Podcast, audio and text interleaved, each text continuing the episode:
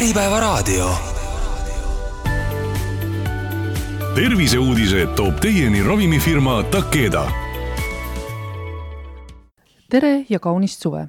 täna räägime kopsuvähist, kuidas see tekib, kuidas avastatakse ja kuidas ravitakse. sellest kõigest räägime sedapuhku hoopis Tartus doktor Tanel Laisaarega, kes on Tartu Ülikooli Kliinikumi rindkerekirurgia osakonna juhataja ja ülikooli kaasprofessor laiemale üldsusele sai ta tuttavaks kahe tuhande kümnendal aastal, kui viis läbi esimese kopsu siirdamise Eestis, avades sellega uue peatüki Eesti meditsiiniajaloos. ja praegu veab ta kopsuvähi sõeluuringu käivitamist. tere, doktor Laisaar! tere! enne kui me kopsuvähi juurde jõuame, siis mis on siirdamisest möödunud kolmeteistkümne aasta jooksul toimunud?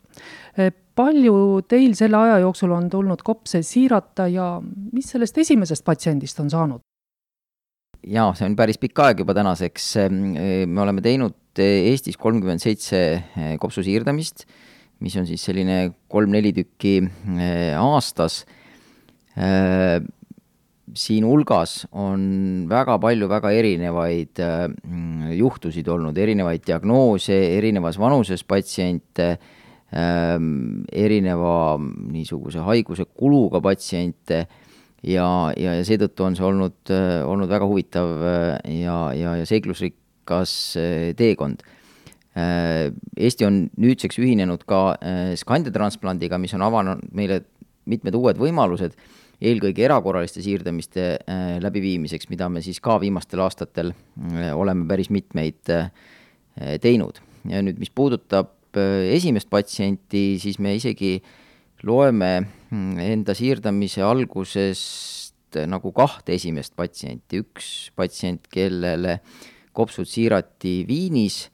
eh, meie selle siirdamisprogrammi raames eh, ja teine patsient siis, kellele me esimesena kopsud siirdasime Eestis. ja, ja on rõõm tõdeda, et mõlemad patsiendid on tänaseni elus, eh, tõsi, sellele, kelle, kes sai oma kopsud Viinis, oleme me Eestis ka teinud korduva kopsude siirdamise aga vaatamata sellele läheb tal kenasti ja, ja, ja mõlemad patsiendid on siiani heas vormis. aga mis see põhjus oli, et oli vaja korduv siirdamine teha? no kopsude puhul on äh, see probleem, et äh, kopsude, kopsu siirdamise tulemuste põhi, põhinõrkus või, või, või see, miks need tulemused ei ole niivõrd head, on krooniline äratõukereaktsioon ja, ja nii ka sellel patsiendil, et mõningatel üksikutel juhtudel on siis võimalik korduvsiirdamise eh, abil seda olukorda lahendada, sageli mitmetel erinevatel põhjustel mitte, eh, aga see on see, mis kopsu siirdamise puhul on jäänud siiamaani niisuguseks lahendamata küsimuseks ja millega kogu maailm vaeva näeb. Mis need peamised diagnoosid on, mille puhul üldse see siirdamine vajalik on ja mille puhul ta kõne alla tuleb? põhimõtteliselt on siirdamiseks üks näidustus, see on siis lõppstaadiumis kopsuhaigus, millel puuduvad paremad muud äh, ravivõimalused või mille kõik teised ravivõimalused on ammendunud. ja, ja konkreetseid diagnoose loomulikult võib olla äh, seal taga siis erinevaid ja kõige sagedasem diagnoos nagu ajalooliselt on olnud krooniline obstruktiivne kopsuhaigus ehk siis kopsuemfüseem äh, ja, ja nende see, nende diagnoosidega oleme me ka kõige rohkem Eestis eh, kopse siirdanud, nüüd tasapisi tuleb järjest rohkem selliseid erinevaid kopsukudet kahjustavaid nii-öelda interstitsiaalseid kopsuhaiguseid ja, ja, ja mitmesuguseid muid teisi, nii et nende osakaal eh, ajas suureneb, aga nii, nagu ma ka enne ütlesin, et me oleme siirdanud väga erinevate diagnoosidega ja ja, ja mitmeid on, mitmeid haigeid on selliseid, keda, keda ongi ainult üks näiteks meie nende siiratute hulgas kas ka Covidi äh, tulemusel on tulnud juba kellelgi kopse siirata? Äh, jah, meil on äh, üks patsient, kellele me oleme Covidi kopsukahjustuse tõttu kopsud siiranud. sellest on nüüd ka juba äkki kaks aastat möödas. et Covidi algusajal olid need kopsukahjustused väga ulatuslikud ja paljud patsiendid sattusid intensiivraviosakondadesse, vajasid pikaajalist juhitavat hingamist, vajasid ka kunstvereringe toetust ja, ja nii ka meie, meie patsient. Ja kui see kopsukahjustus osutus siis eh, taas pöördumatuks, vot sellisel juhul oli siis eh, siirdamine näidustatud. Ja selliseid siirdamisi nüüd selle Covidi niisugusel kõrghetkel maailmas tehti, ei saa öelda, et palju, Skandinaavias näiteks on kokku tehtud alla kümne, neist siis üks Eestis. Nii et, aga tänasel päeval see näidustus on nüüd praktiliselt ära kadunud, et niisugust ägedat Covidist tingitud kopsukahjustust me enam ei näe see on hea uudis. kui pikk teil praegu ootejärjekord on Eestis, ma mõtlen? vot siirdamistega on üldse nii, et seal ei ole nagu järjekorra pikkust, et, ähm, et me võtame patsiendi siirdamise ootelehele, kui me näeme ette, et see on, see on tema ainus ravivõimalus, tal puuduvad olulised vastunäidustused ja, ja siis, millal tekib selle konkreetse patsiendi jaoks doonor, seda ei oska keegi ette ennustada, et see on meie praktikas olnud ühest tunnist kuni mitme aastani. Ja, ja keskmiselt on see, on see praegu, ma arvaks, kusagil seitse-kaheksa kuud. Äh, nii et see jällegi teiste riikidega võrreldes keskmisena ei ole väga pikk, aga, aga see koosneb väga erinevatest pikkustest, nii et patsiente meil on ootelehel suhteliselt vähe ja seetõttu ei ole seal ka enamasti sellist pingerida, et nad kõik erinevad millegi poolest, on veregrupp erinev, on, on nende pikkused erinevad, seetõttu tihtipeale ühele samale äh, doonorkopsule või kopsudele äh, niisugust konkureerivat äh, patsienti meil polegi, et, et, et kui on, siis on üks. kui nüüd tulla kopsuvähi juurde, siis ähm, kas ja millal üldse sellise diagnoosi puhul tuleb kõne alla seesama siirdamine või see patsient lihtsalt ei kvalifitseerugi selleks? Ja põhimõtteliselt pahaloomulised kasvajad, sealhulgas siis kopsuvähk, on, on üks esimesi ja kõige kindlamaid vastunäidustusi siirdamiseks üldse. sest siirdamise korral me vajame immuunsupressiooni ehk siis organismi immuunsuse mahasurumist ja, ja see on just see, mis paneb kasvaja vohama. nii et sellel põhjusel nagu äh, kasvajahaiged siirdamiseks ei sobi. on väga üksikud erandid, et teatud kopsuvähi alatüüp, mis levib ainult kopsus, ei anna väljapoole kopsusid siirdeid ja võib põhjustada sellist ulatuslikku kopsukahjustust ja mis äh, ravile, mingisugusele ravile ei allu, samas kogu kasvaja piirdub ainult kopsuga, aga nagu öeldud, on see väga-väga erandlik olukord, nii et nendel puhkudel üksikuid siirdamisi maailmas on tehtud, Eestis me sellist patsienti pole olnud, kellele niisugusel näidustusel võiks siirdamist teha. Kui nüüd kopsuvähist otseselt hakata rääkima, siis arvatakse, et kopsuvähk eh, ohustab ainult suitsetajaid. Kas see vastab tõele ja siis mis need riskitegurid veel võiksid olla? siin on eh, osaliselt tõde ja osaliselt mitte, et kui jällegi statistikat vaadata, siis ähm, tänapäeval umbes kakskümmend protsenti kopsuvähi haigetest on eluaegsed mittesuitsetajad, kes ei ole siis kunagi äh, elus suitsetanud. ja põhiliselt kipuvad nad olema siis äh, naisterahvad. et meestel enamasti kopsuvähk on ikkagi äh, suitsetamisega seotud äh,. Teistpidi siis suitsetamine on selgelt kõige olulisem kopsuvähi riskifaktor, ta suurendab kopsuvähi riski loomulikult tulenevalt nüüd selle suitsetamise kestvusest ja intensiivsusest, aga noh, nii väga keskmiselt umbes kakskümmend korda, ehk siis väga-väga oluline riskitõus. samas kõik teised riskifaktorid, mis kopsuvähi puhul äh, arvesse tulevad, tõstavad seda riski nagu väga palju vähem. Ja seega, kuna suitsetamine on peamine riskifaktor, väga sage riskifaktor, siis teiste riskide hindamine suitsetamise kõrval kopsuvähi puhul ongi väga keeruline ja, ja seetõttu äh, teistest riskifaktoritest sageli saab rääkida nagu niisuguses veidi ebakindlamas vormis. Äh, samas tänasel päeval me nagu teame, et, äh, et üks oluline ja kasvav riskifaktor ilmselt on õhusaaste ja, ja õhusaaste on väga kompleksne, et see koosneb nagu erinevatest komponentidest, et üks asi on selline nii-öelda tööstuslik õhusaaste, teine on siis see, mis meil linnades on, autodest tingitud, kütmisest tingitud Äh, et, et see on väga mitmekomponendiline ja, ja, ja jällegi seda on nagu raske hinnata pikaajaliselt, sest inimesed liiguvad, nad ei ela kogu aeg ühes kohas. Äh, et, et see ekspositsioon ei ole nii hästi mõõdetav, nii nagu ta on suitsetamise puhul. Aasias näiteks arvatakse olulisel kohal olevat ka selline siseruumide õhusaaste, just ähm, toidu valmistamisel tekivad niisugused erinevad äh, lenduvad produktid, kui ventilatsioon ei ole hea, et siis naiste kopsuvähki seostatakse äh, sellise siseruumide õhusaastega. noh, kindlasti üks kopsuvähi riskitegur on siis radoon, mida siis maapõuest eritub, millega kokku puutuvad kaevurid, aga, aga mis võib ka eluruumidesse koguneda, kui, kui on maja ehitatud sellisesse piirkonda, kus äh, siis seda radooni maapõuest äh, eraldub. ja, ja siis on mitmed teised haigused, krooniline obstruktiivne kopsuhaigus näiteks, ka läbipõetud tuberkuloos ja nii edasi, nii et neid riskitegureid on aga veel kord, suitsetamine on kaugelt kõige olulisem, nii et kui keegi suitsetab, siis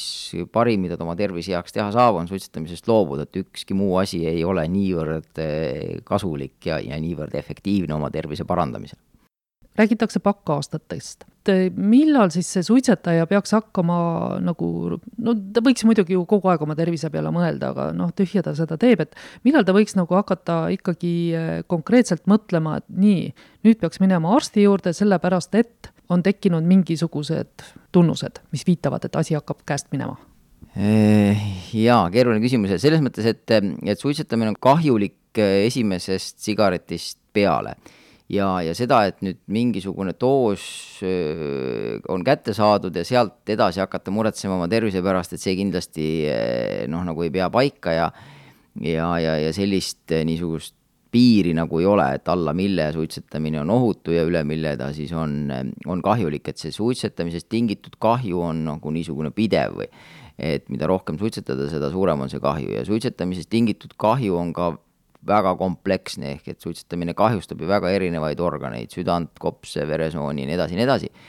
nii et, ähm, et ähm, see sümptomatoloogia,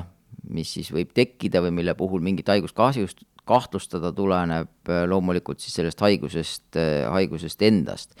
ja kopsuvähiga kahjuks on niisugune olukord, et kopsuvähil ei ole varaseid sümptomi, mis tekivad kopsuvähi varases staadiumis et patsiendil on väga raske aru saada, kui tal on kopsuvähk tekkinud. nii et kopsuvähi sümptomid on enamasti äh, sellised, mis viitavad kaugele arenenud kasvajale, tõsi, mitte alati, aga, aga küllaltki sageli. Äh, nii et kõige selline alarmeerivam ja kõige spetsiifilisem sümptom kindlasti on vereköha, millega patsient peaks igal juhul pöörduma kohe arsti poole. Äh, ja, aga ka seal igal juhul või alati ei ole tegemist kopsuvähiga, et et, umbes kolmandikul juhtudest on siis põhjuseks kopsuvähk. kõik teised sümptomid on tunduvalt vähem äh, spetsiifilised, noh näiteks pikaajaline köha, hingeldus, rindkere valu, et need on võib-olla niisugused sümptomid, mida me kopsuvähi haigetel näeme, aga, aga need sümptomid esinevad äh, mingil kujul ka väga paljude teiste haiguste puhul kui püsida nüüd selle radooni kohta, et eh, Eestis on ka radooni ikkagi päris palju ja on ju siin neid maju ehitatud ka nii ja naa kvaliteediga. et eh, kas te olete oma töös kokku puutunud ka Eestis kopsuvähi patsiendiga, kes on noh, kinnitatult saanud selle radoonist? Nii nagu ma ütlesin, on selliste mm, riskitegurite puhul väga raske mm, konkreetset haigusjuhtu konkreetse riskiteguriga seostada, eriti kui patsient on suitsetaja, sest siis see suitsetamine varjutab nagu kõik need teised riskid. ja kui ka inimene on mittesuitsetaja, ega me siis nagu sellel ühel juhul noh, nagu ei saa väga kindlalt väita, et see, et see haigus on nüüd seotud selle või teise riskiteguriga nii et seetõttu ma niisugust haigusjuhtu nagu välja tuua ei saa ja riskitegurite hindamine üldse on võimalik äh, noh, nii, niisugusel suuremal tasandil, näiteks riigi tasandil, eks, et me, me hindame, et kui palju meil on kopsuvähiga patsiente, milline on meil see olukord näiteks siis selle radooniga või suitsetamisega ja sealt me saame teha siis järeldusi, et nii paljud haigusjuhud võiksid tõenäoliselt olla seotud selle või teise riskiteguriga, aga me ei saa kunagi ühe patsiendi puhul konkreetselt öelda, et vot, et teie puhul oli nüüd just nimelt see riskitegur äh, see põhjus, miks see kopsuvähk tekkis. Nii et ma saan aru, et äh, kui tavainimene tahaks lihtsalt saada, et, et sain selle haiguse põhjus see, et see on nagu välistatud kopsuvähi puhul no see on suuresti välistatud jah, et me saame suitsetajale muidugi üsna julgesti öelda jah, et, et suitsetamine on niivõrd eh, oluline riskitegur, et, et suure tõenäosusega teie haigus on suitsetamisega seotud, aga, aga päris sada protsenti loomulikult seda öelda ei saa.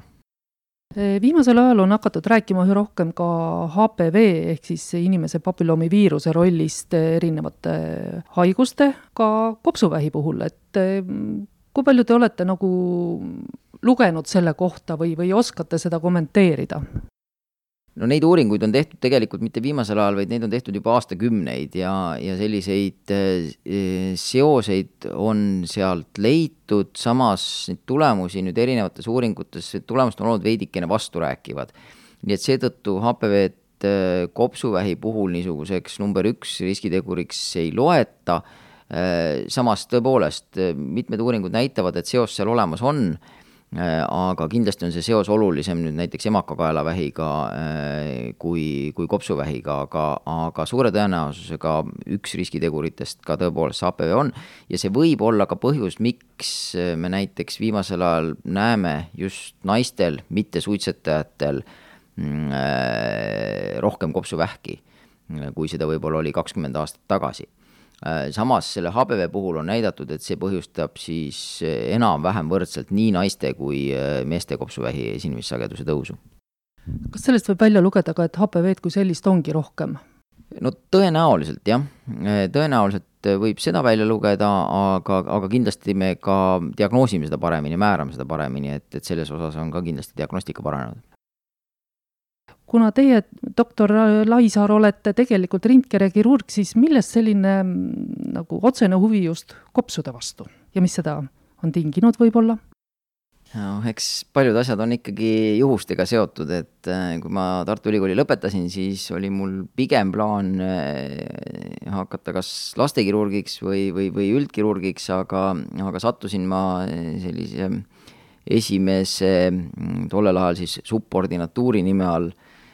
toimuva või ei, vist pigem ikkagi internatuuri äh, nime all toimuva äh, õppe raames kopsukliinikusse ja sealne peaarst, doktor Enn Pütsepp siis kutsus mind, kutsus mind sinna ja ja, ja see rindkerekirurgia tundus äärmiselt huvitav ja põnev ja tegelikult ka minu isa oma karjääri alguses ja päris lõpus töötas rindkerekirurgina, nii et, et siin on natukene juhust, natukene pärilikku komponenti siin nüüd äh, raadiokuulajale natuke selgitada, et rindkeres ilmselt on natukene rohkem asju kui ainult kopsud või kas siis rindkerekirurg tegelebki peaasjalikult ainult kopsudega? no kaasajal rindkerekirurgia mm, tegeleb kõigega, mis on rindkeres, välja arvatud siis plaaniline südamekirurgia, et, et kardiokirurgia on, on eraldi erialana äh, ja, ja, ja sellega me ei tegele äh, südant tuleb teinekord õmmelda traumaolukorras, aga, aga seda on võrdlemisi harva et kõik muud organid, mis siis rindkeresse jäävad, jällegi riigiti on siin natukene poliitikad erinevad ja, ja, ja üks, mis Eestis on, on üsna ebaselge, on, on siis kes, kes ja kuidas peaks eh, opereerima söögitoru, et, et see on meil lahendamata küsimus, ühe väikse osaga tegelevad siis rindkerekirurgid, aga, aga praktiliselt kõik muu siis jah, mis rindkeresse jääb, kopsud, erinevad keskseinandi organid, eelkõige siis kasvalised haigused, kopsukelme haigused, ka traumad, lapsed, täiskasvanud, nagu mainitud, ka kopsu siirdamine, nii et see eriala on hästi lai ja, ja, ja seetõttu ka hästi huvitav kui me tuleme nüüd nende kopsuvähi haigete juurde tagasi, siis äh, mis seisus nad äh, nüüd ütleme nii-öelda teie operatsioonilauale tavaliselt jõuavad, et mis staadiumis see on, kuna seda kopsuvähki paraku ei, ei avasta ju kohe kiiresti õigel ajal, kuna kuskilt ei valuta, ma saan aru. et äh, milline see pilt teile avaneb? Eestis diagnoositakse aastas üle kaheksasaja uue kopsuvähijuhu ja, ja nendest me saame siis opereerida heal juhul kuni kakskümmend viis protsenti, mis on võrdlemisi kõrge protsent jälle, kui me ennast võrdleme teiste riikidega, nii et Eestis selles mõttes on olukord isegi suhteliselt hästi. Äh, mis tähendab aga seda, et kolme neljandikku me ei saa opereerida ja me ei saa ta eelkõige opereerida seetõttu, et see kasvaja on kaugele arenenud nii et need patsiendid, keda siis kirurgid näevad, ühest küljest peavad olema siis varasemas staadiumis kasvajatega, äh, mis on kirurgiliselt täielikult eemaldatavad ja teiseks peab siis olema ka patsiendi seisund selline, mis seda operatsiooni talub. sest kopsuoperatsioon kahjuks on seda tüüpi operatsioon, mille järgselt inimese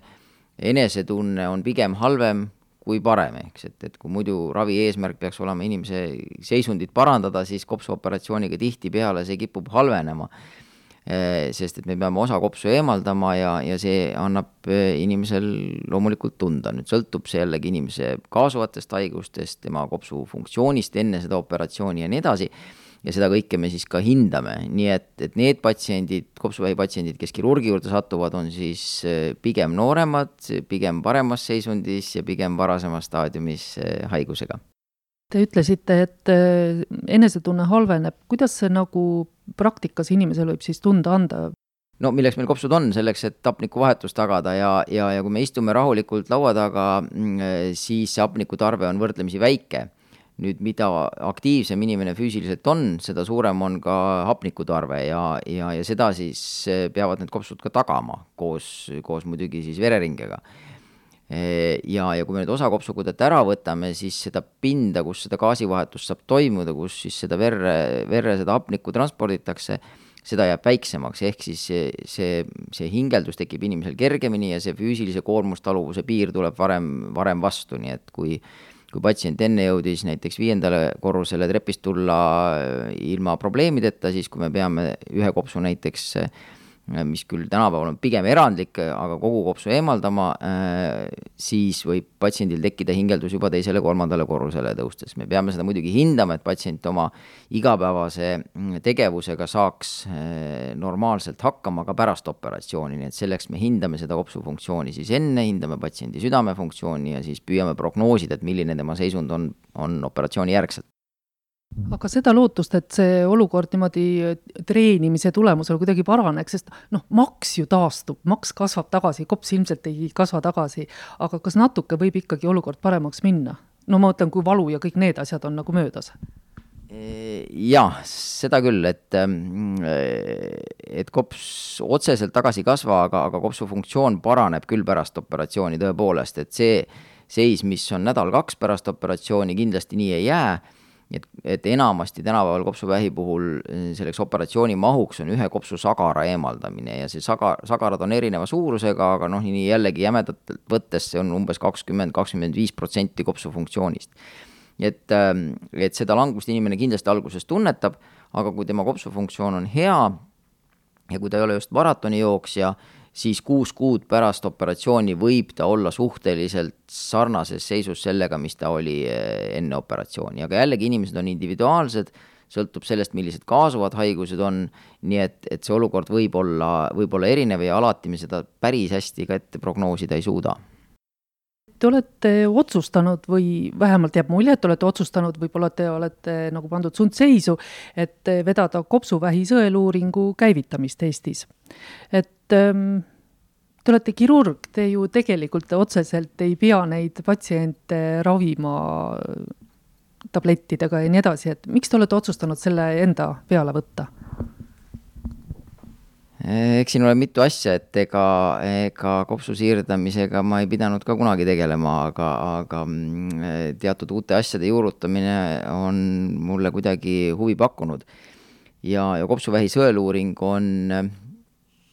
väga aktuaalne teema praegu kogu maailmas, sellega tegeletakse igal pool aktiivselt ja, ja lõppkokkuvõttes selle sõeluuringu eesmärk ongi ju kopsuvähk avastada võimalikult varases staadiumis, ehk siis selles staadiumis, kus meie kirurgidena neid patsiente veel aidata saame. nii et pikas plaanis me näeme ette, et kui me täna opereerime kakskümmend viis protsenti äh, kopsuvähiga patsientidest, siis kui sõeluuring rakendub ja kui see rakendub efektiivselt, siis me võiksime opereerida võib-olla pooled Mm, kopsuvähi patsientidest. et meie senised uuringud, mis me nüüd oleme siin teinud mõne aasta jooksul, on näidanud, et kirurgiliselt ravitavate kopsuvähi juhtude arv siis sõeluuritavate hulgas oli, või see osakaal, äh, kui ma nüüd ei eksi, oli kuuskümmend neli protsenti äkki, ehk siis tunduvalt, tunduvalt rohkem. Äh, nii et võtmeküsimus on see, et inimesed jõuaksid sõeluuringusse, et see sõeluuring oleks efektiivne ja, ja, ja siis me suudame ka seda kirurgiliselt ravitavate patsientide arvu suurendada ja lõppkokkuvõttes suura, suudame siis parandada ravitulemusi, ehk siis nende patsientide hulka, kes kopsuvähist täielikult tervistuvad. Aga mida see projekt endast kujutab, mida ta on seni endast kujutanud, et äh, mul on jäänud kõrvu, et Tartu perearsti nimistute peal vist oli, et kes sinna siis nagu hõlmati, et noh, ilm, ilmselt ei ole väikelapsi mõtet võtta ju ja et kuidas see välja näeb? ja siin on päris mitu küsimust, et esiteks me alustasime sellest, et me, me mõtlesime välja niisuguse metoodikat, kuidas seda võiks läbi viia. testisime seda nii-öelda teostatavusuuringu raames kolmes perearsti nimistus. see osutus äärmiselt äh, edukaks ja, ja siis eelmisel aastal õnnestus meil juba Tervisekassa rahastusel viia läbi selline suurem pilootprojekt, kuhu siis olid kutsutud osalema kõik Tartu-Tartumaa perearstid. Äh, eelmisel aastal, tõsi, päris kõik ei osalenud, suurem osa siiski osales. nüüd sellel aastal me oleme saanud jätkata ja, ja sellel aastal nüüd tõepoolest on praktiliselt kõik perearstid osalemas, nii et mõned üksikud, väga üksikud ei ole meiega veel liitunud, väga loodan, et, et ka nemad liituvad. Äh, et siin on erinevad põhjused, kindlasti kardetakse suurt töökoormust ja, ja, ja nii edasi, aga, aga kõik need hirmud äh, ei ole põhjendatud ja, ja meil on väga hea meeskond, kes seda sõeluuringu läbiviimist toetavad, nii et igal juhul äh, tasuks, perearstidel osaleda. nüüd, miks need perearstid nii olulised on, on see, et, et metoodika näeb siis ette patsientide kaasamist perearstide kaudu. et kõigil meie inimestel on perearst, perearst siis vaatab oma nimistu läbi ja, ja tõepoolest, väikelapsi pole mõtet sinna kutsuda, ehk et need kriteeriumid on paika pandud, et esiteks vanusevahemik, see on siis vanuses viiskümmend viis kuni seitsekümmend neli aastat, see vanusevahemik võiks olla võib-olla veidi laiem, aga, aga see on eraldi teema,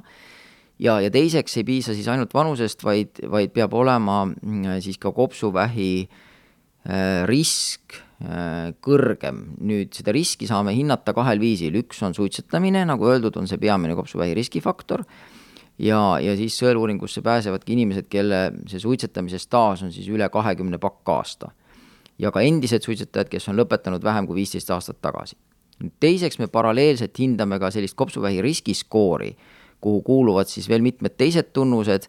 äh, mille alusel siis võiksime saada natuke täpsema hinnangu sellele kopsuvähi riskile ja hetkel me nüüd oma pilootprojektiga testimegi seda, et, et kui me võtaksime ühe Äh, kategooria alusel äh, patsiente uuringusse või teise kategooria alusel, et kui palju me siis neid kopsuvähke diagnoosiksime, kui palju oleks üks või teine efektiivsem ja nii edasi, nii edasi. nii et siit me saame ja, ja olemegi sellest pilootuuringu esimesest aastast juba päris palju infot saanud, aga, aga teine aasta käib, et need lõplikud tulemused äh, tulevad siis millalgi järgmise aasta sügiseks ja siis me oskame võib-olla äh, juba paremini öelda, et, et milline peaks olema täpselt see valikukriteerium, millega me võiksime edasi liikuda. Ja see kindlasti ei ole jälle midagi sellist, mis on lõplikult paigas, et see muutub ajas, et kui tuleb uusi teadmisi, sest nagu ma ütlesin, sellised uuringud käivad eh, praegu kogu maailmas, et välja selgitada, et kellele oleks seda kopsuvähi sõeluuringut kõige efektiivsem suunata kuidas on perearstide tagasiside praegu olnud, on nende hirm suure töökoormuse ees põhjendatud olnud või pigem on see suur töökoormus tulnud teile hoopis, kliinikumile ja, ja selles projektis osalevatele kopsuarstidele, õdedele, kellele iganes? selles mõttes ikkagi see suur töö tehakse ära perearstide poolt, et seda ei saa, seda ei saa salata. aga teistpidi igal perearstil on eks oma nimistu ja, ja, ja ta tegeleb ju oma nimistu patsientidega ainult, mitte kõigi eh, rohkem kui saja tuhande patsiendiga, kes eh, Tartus Tartumaal elavad. Eh, teiseks on aega aasta aega ja aasta aja jooksul oma nimistu üle vaadata ja, ja tegelikult kontsentreeruda ainult nendele inimestele, kes on siis selles vanusevahemikus ja, ja sealt omakorda veel edasi nendele, kes on siis selle kõrgenenud riskiga et kui see töö nagu ühtlaselt ära jaotada aasta peale, siis see koormus liiga suur ei ole. nüüd teisel aastal me oleme juba ka selles osas eh, oluliselt veel metoodikat muutnud, ehk siis need patsiendid, kes eelmisel aastal sõõruuringus käisid, need sellel aastal kutsutakse korduvale uuringule juba uuringu koordinaatorite poolt. ehk siis see perearstide koormus on kõige suurem just esimesel aastal aga, aga esimese aasta lõpus me tegime ka sellised fookusgrupi intervjuud või palusime seda tegema siis äh, Äh, spetsialistid, kes, kes niisuguseid intervjuusid teevad. Ja, ja sealt tuli täpselt see välja, nagu ma mainisin, et algne hirm oli suur, äh, tegelikkus pigem vastupidine, selles sõeluuringus nähti päris palju positiivset, äh, perearstid, ka õed, said teada oma patsientide kohta nende suitsetamisharjumused, mis tihti olid varasemalt dokumenteerimata ja, ja, ja nii edasi, nii et, et ka konkreetsed haigusjuhud, mida me siis varases staadiumis avastasime ja nii edasi, nii et, et, et üldjoontes see vastukaja oli positiivne, aga, aga tõepoolest, nii nagu iga uue asja vastu alguses ikka on väike hirm ja, ja, ja, ja võib-olla ka mõnelt poolt väikene, väikene vastuseis. mida see uuring tähendab eh, patsiendile? kas eh, tehakse mingi pilt, tehakse kuidagi haiget, sest ega teatavasti keegi ei taha haiget saada ja mehed, kes on vist nagu enamus sellest sihtrühmast, ammugi ei taha sinna arsti juurde minna. jaa, et kopsuvähi sõeluuringu uuringuks on siis kompuutertomograafia, et see tehakse madala doosiga, ehk siis, et see kiirguskoormus oleks võimalikult väike, aga samas siis saadakse piisava kvaliteediga pilt selleks, et anda niisugune esmane hinnang äh, kopsuvähi riskile ja, ja, ja, ja, ja see ongi kõik, et kui siis sellelt kompuuterdemograafial midagi leitakse, siis vastavalt eh, juba vajadusele tehakse edasi täiendavaid uuringuid. et mis nüüd on jällegi kopsuvähi sõeluuringu puhul nagu eriline, ongi see, et, et see kompuuterdemograafia nüüd lisaks sellele võimalikule kopsuvähile avastab ka väga palju muid asju, mis mõnedel juhtudel võib-olla oli teada, aga paljudel juhtudel ei olnud teada et näiteks rohkem kui pooltel patsientidel noh, arvestades vanust ja suitsetamist ongi üsna loo-, loomulik, on siis südame pärgarterite lupjumist, rohkem kui pooltel patsientidel on kopsuemfüseemi, mis võib olla erineva ulatusega ja selle taga võib olla ka krooniline obstruktiivne kopsuhaigus ja paljudel juhtudel need olidki diagnoosimata haigusjuhud, mida me siis saime diagnoosida. Aga lisaks me avastasime ka mitmeid muid kasvajaid, neerukasvajad, maokasvajad, maksakasvajad nii et, äh, et ka teisi pahaloomulisi kasvajaid võib välja tulla selle sõeluuringu raames. Äh, nii et, äh, et ühest küljest on see nagu hea, see annab meile hulgaliselt informatsiooni, aga teisest küljest panebki see suure koormuse siis radioloogidele, kes peavad need uuringud kõik kirjeldama, põhjalikult läbi vaatama ja, ja teistpidi sedasi ka